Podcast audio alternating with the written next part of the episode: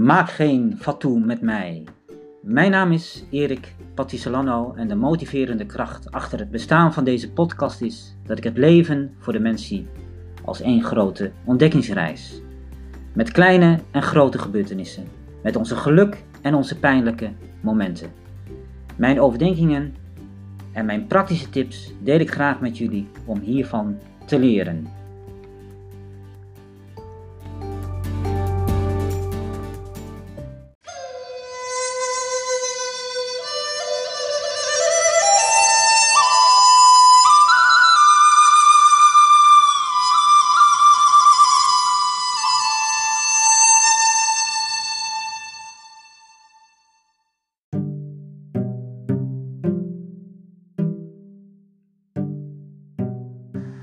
Maak geen fatu met mij. Aflevering 4.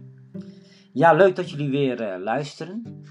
Ik heb een uh, mooi thema uh, voor vandaag, die erg spontaan op mijn pad is gekomen.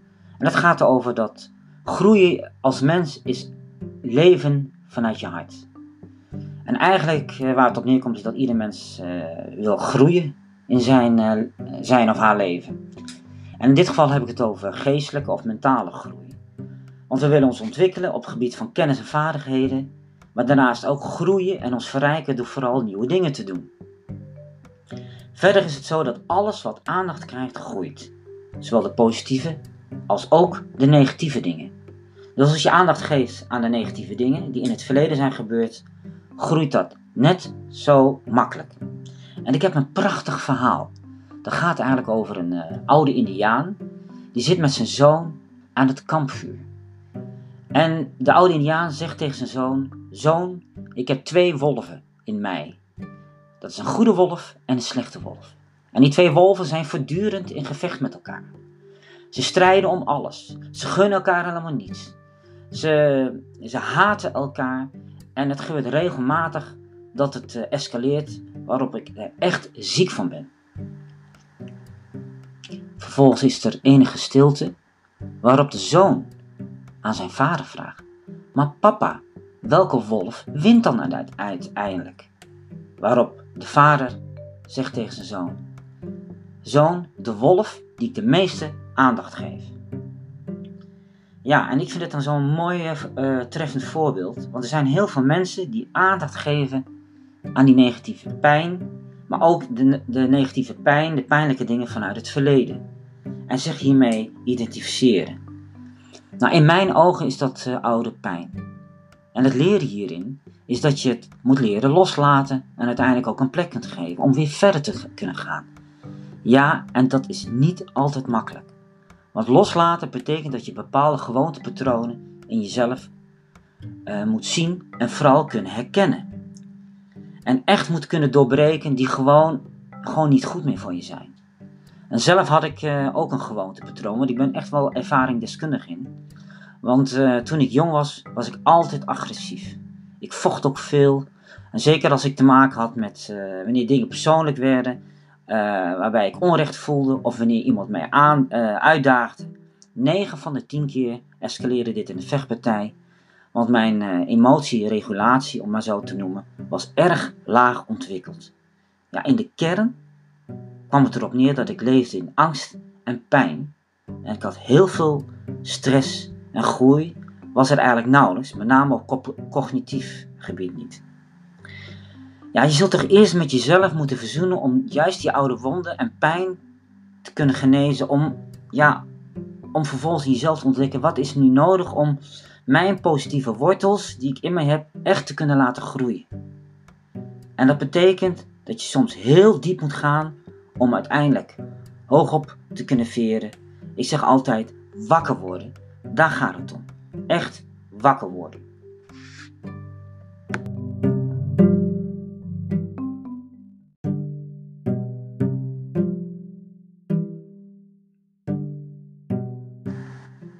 Ja, en als mensen mogen of kunnen groeien, is dat allemaal niet zo vanzelfsprekend.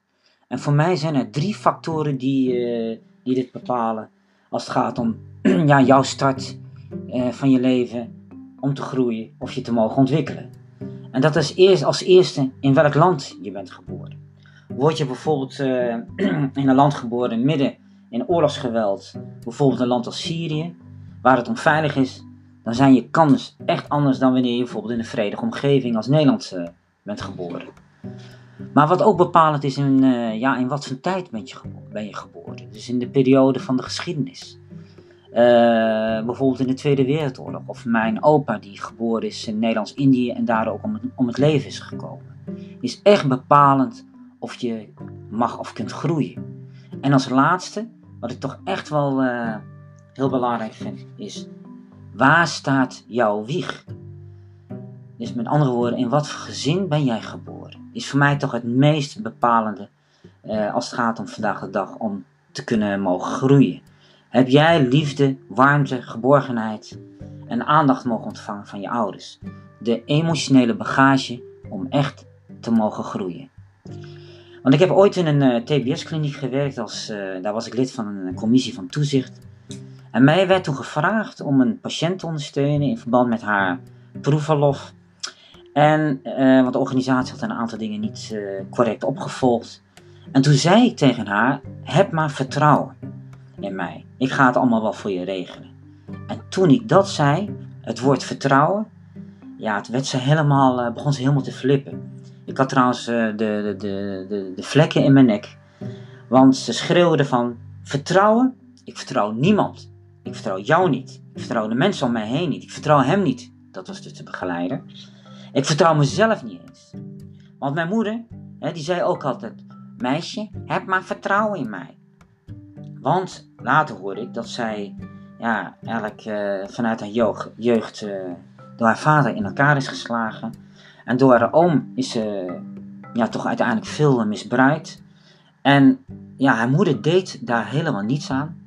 En wat ook nog schrijnend is dat ze ja, het, het zakgeld wat zij verdiende, met haar bijbaantje in, in de supermarkt, werd leeggeroofd uh, uit spaarpot door haar eigen broer. Nou, dit vind ik dan echt een schrijnend en een heel triest voorbeeld van iemand uit een gezin die echt te maken heeft gehad met emotionele verwaarlozing en geweld. En het meest triest is uiteindelijk is dat zij ook in een TBS-kliniek terecht is gekomen. Voor iets dat niet had mogen, maar ook niet had hoeven te gebeuren. Dus we zijn in de kern ook bevoorrecht als wij als mens de kans krijgen om te mogen groeien. In de dingen die echt bij ons, uh, in dingen die echt dicht bij ons staan. Ja, ik houd het heel simpel in mijn praktische inzicht. Als het gaat om groei door te leven vanuit je hart. Oftewel, de haar staat van hou van jezelf. Met andere woorden, wees lief voor jezelf. Maak het allemaal niet zo gecompliceerd. Hou het gewoon allemaal heel licht en simpel en soms vindt er helemaal niets van. Durf jezelf ook je te vergeven als je iets niet goed hebt gedaan. Want geef jezelf een nieuwe kans. En ik zeg ook altijd, je kunt altijd weer opnieuw beginnen. De A staat voor acceptatie. Accepteer wie je bent, waar je vandaan komt, uit wat voor nest.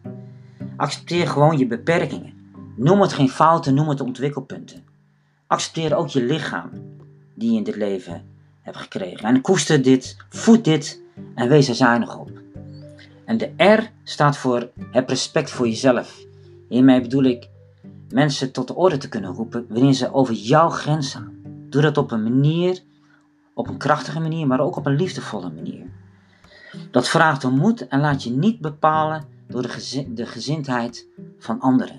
En als laatste, voor mij de belangrijkste, de T van blijf trouw aan jezelf. Je definieert, je definieert je alleen maar vanuit de vorige drie letters.